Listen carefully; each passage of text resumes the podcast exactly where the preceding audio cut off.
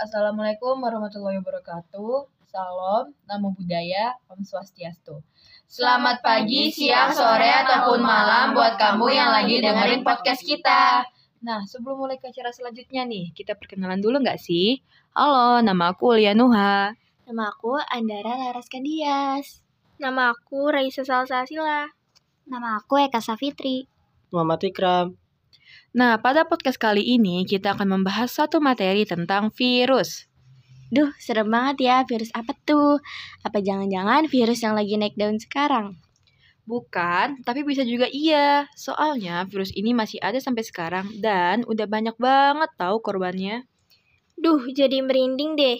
Daripada lama-lama, mending kita langsung bahas aja yuk. Virus apa sih itu? Nah, materi tentang virus ini adalah disebabkan oleh nyamuk. Ayo, pada tahu nggak virus apa? Kalau nggak tahu nama virusnya, nama penyakitnya dulu deh. Apa ayo? DBD. Yap, betul banget. Nama penyakitnya itu adalah DBD atau kepanjangannya yaitu demam berdarah denggi. Tapi ngomong-ngomong itu ada yang kaitan sama Aedes aegypti gak sih? Nah itu itu apa itu? Wait, wait, wait. Tunggu dulu. Sebelum membahas ke bagian itu, kita langsung aja mulai ke bagian definisi peng atau pengertian dari virus daripada penyakit DBD ini. Nah, sebelumnya ada yang tahu nggak nih apa sih DBD itu? Duh, gak tahu nih apa tuh. Nah, DBD atau kepanjangannya adalah demam berdarah denggi adalah penyakit yang disebabkan oleh gigitan nyamuk yang membawa empat macam virus.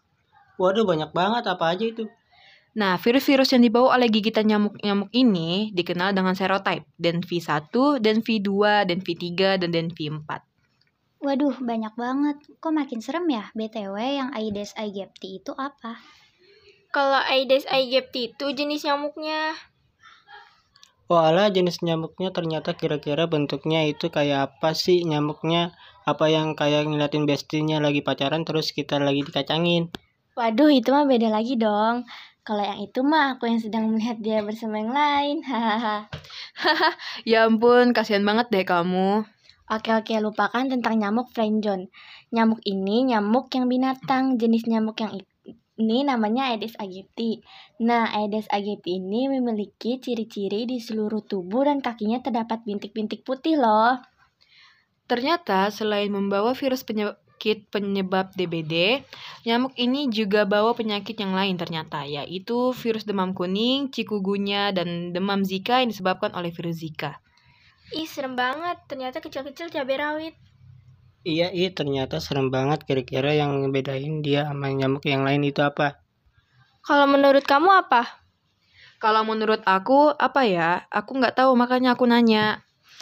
Iya sih, benar juga. Nah, yang membedakan nyamuk ini dari nyamuk yang lain adalah kalau dari segi bentuk, nyamuk ini sedikit lebih kecil dan warnanya memiliki bintik-bintik putih di seluruh badannya. Kalau nyamuk yang lain ini, kalau nyamuk yang lain biasanya ukurannya lebih besar dari Aedes aegypti dan warnanya itu hanya warna hitam. Dan kalau menggigit kita itu hanya menimbulkan rasa gatal loh. Oh, gitu.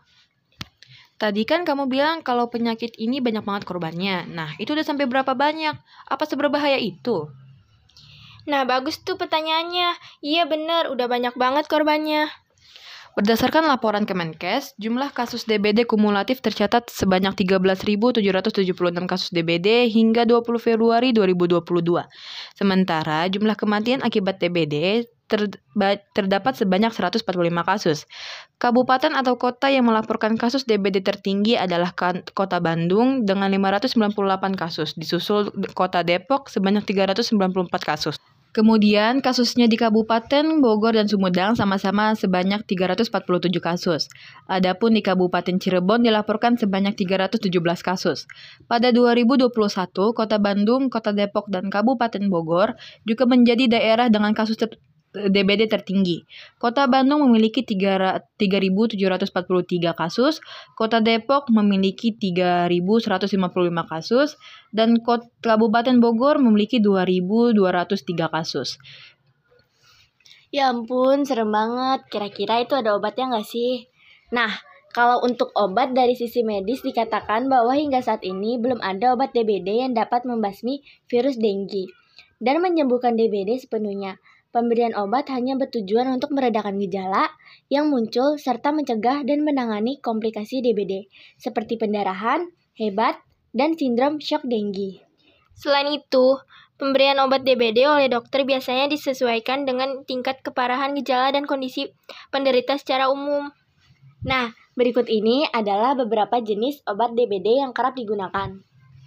Yang pertama adalah obat pereda demam. Penggunaan obat pereda demam, misalnya paracetamol, cukup relatif, cukup efektif untuk mengatasi gejala demam yang muncul akibat penyakit DBD. Selain untuk meredakan demam, paracetamol juga bisa digunakan untuk mengatasi nyeri akibat DBD, seperti nyeri tulang dan otot atau sakit kepala. Yang kedua adalah cairan infus. Penderita DBD umumnya dianjurkan untuk makan dan minum air putih yang cukup guna mencegah dehidrasi. Namun DBD terkadang menyebabkan gejala mual, muntah, dan diare, sehingga penderitanya sulit untuk makan dan minum. Jika penderita kesulitan memenuhi asupan cairan tubuh dan nutrisi dari makanan dan minuman, dokter biasanya akan memberikan cairan infus. Yang ketiga yaitu transfusi darah. Transfusi darah pada penderita DBD umumnya jarang dilakukan. Pengobatan ini biasanya ditunjukkan kepada penderita yang mengalami perdarahan berat, misalnya muntah berdarah, mimisan berulang, atau buang air besar berdarah yang tidak kunjung berhenti. Pemberian transfusi Transfusi darah juga berfungsi untuk meningkatkan jumlah trombosit yang kerap menurun akibat DBD. Trombosit ini merupakan sel darah yang berperan penting dalam menghentikan pendarahan di dalam tubuh. Yang keempat adalah obat-obatan pendukung selain pengobatan di atas.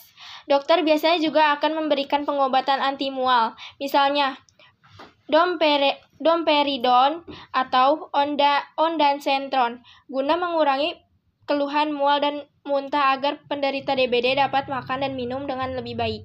Namun, pemberian obat ini harus sesuai dengan anjuran dari dokter. Pemberian vitamin juga dapat menjadi pilihan guna meningkatkan imunitas tubuh penderita DBD dalam melawan virus dengue, misalnya vitamin D atau suplemen multivitamin. Penting diketahui bahwa selama sakit DBD, Anda tidak disarankan untuk mengonsumsi obat golongan anti radang non-steroid atau NSAID, misalnya ketolorak, diklofenak, ibuprofen, dan aspirin. Ya ampun, ternyata belum ada obatnya, tapi syukurlah udah ada cara mempercepat penyembuhannya. Tapi sebelum kita ikutan jadi korban, ada nggak sih cara mencegahnya? Nah, ini dia nih yang aku tunggu. Ada banyak banget cara untuk mencegah DBD. Tapi sebelum aku kasih tahu cara mencegahnya, aku mau jelasin dulu cara penularan dan gejalanya dulu nih.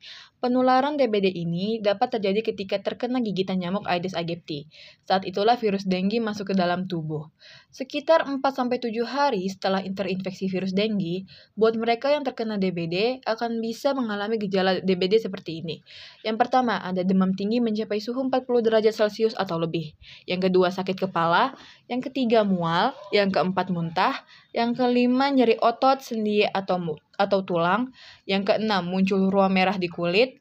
Yang ketujuh, nyeri di bagian belakang mata. Yang kedelapan, kelelahan. Nah, agar terlindung dari virus dan nyamuk penyebab DBD, ada beberapa cara yang dapat Anda lakukan di antaranya memasang kelambu dan kasa, menyalakan AC atau kipas angin, menggunakan obat nyamuk, menggunakan pakaian tertutup, dan yang terakhir adalah mengonsumsi vitamin C. Oh gitu, sekian dulu dari kita semua. Mohon maaf banget nih kalau ada salah kata yang kurang meng mengenakan. Wabillahi taufik wal hidayah. Wassalamualaikum warahmatullahi wabarakatuh. See you all.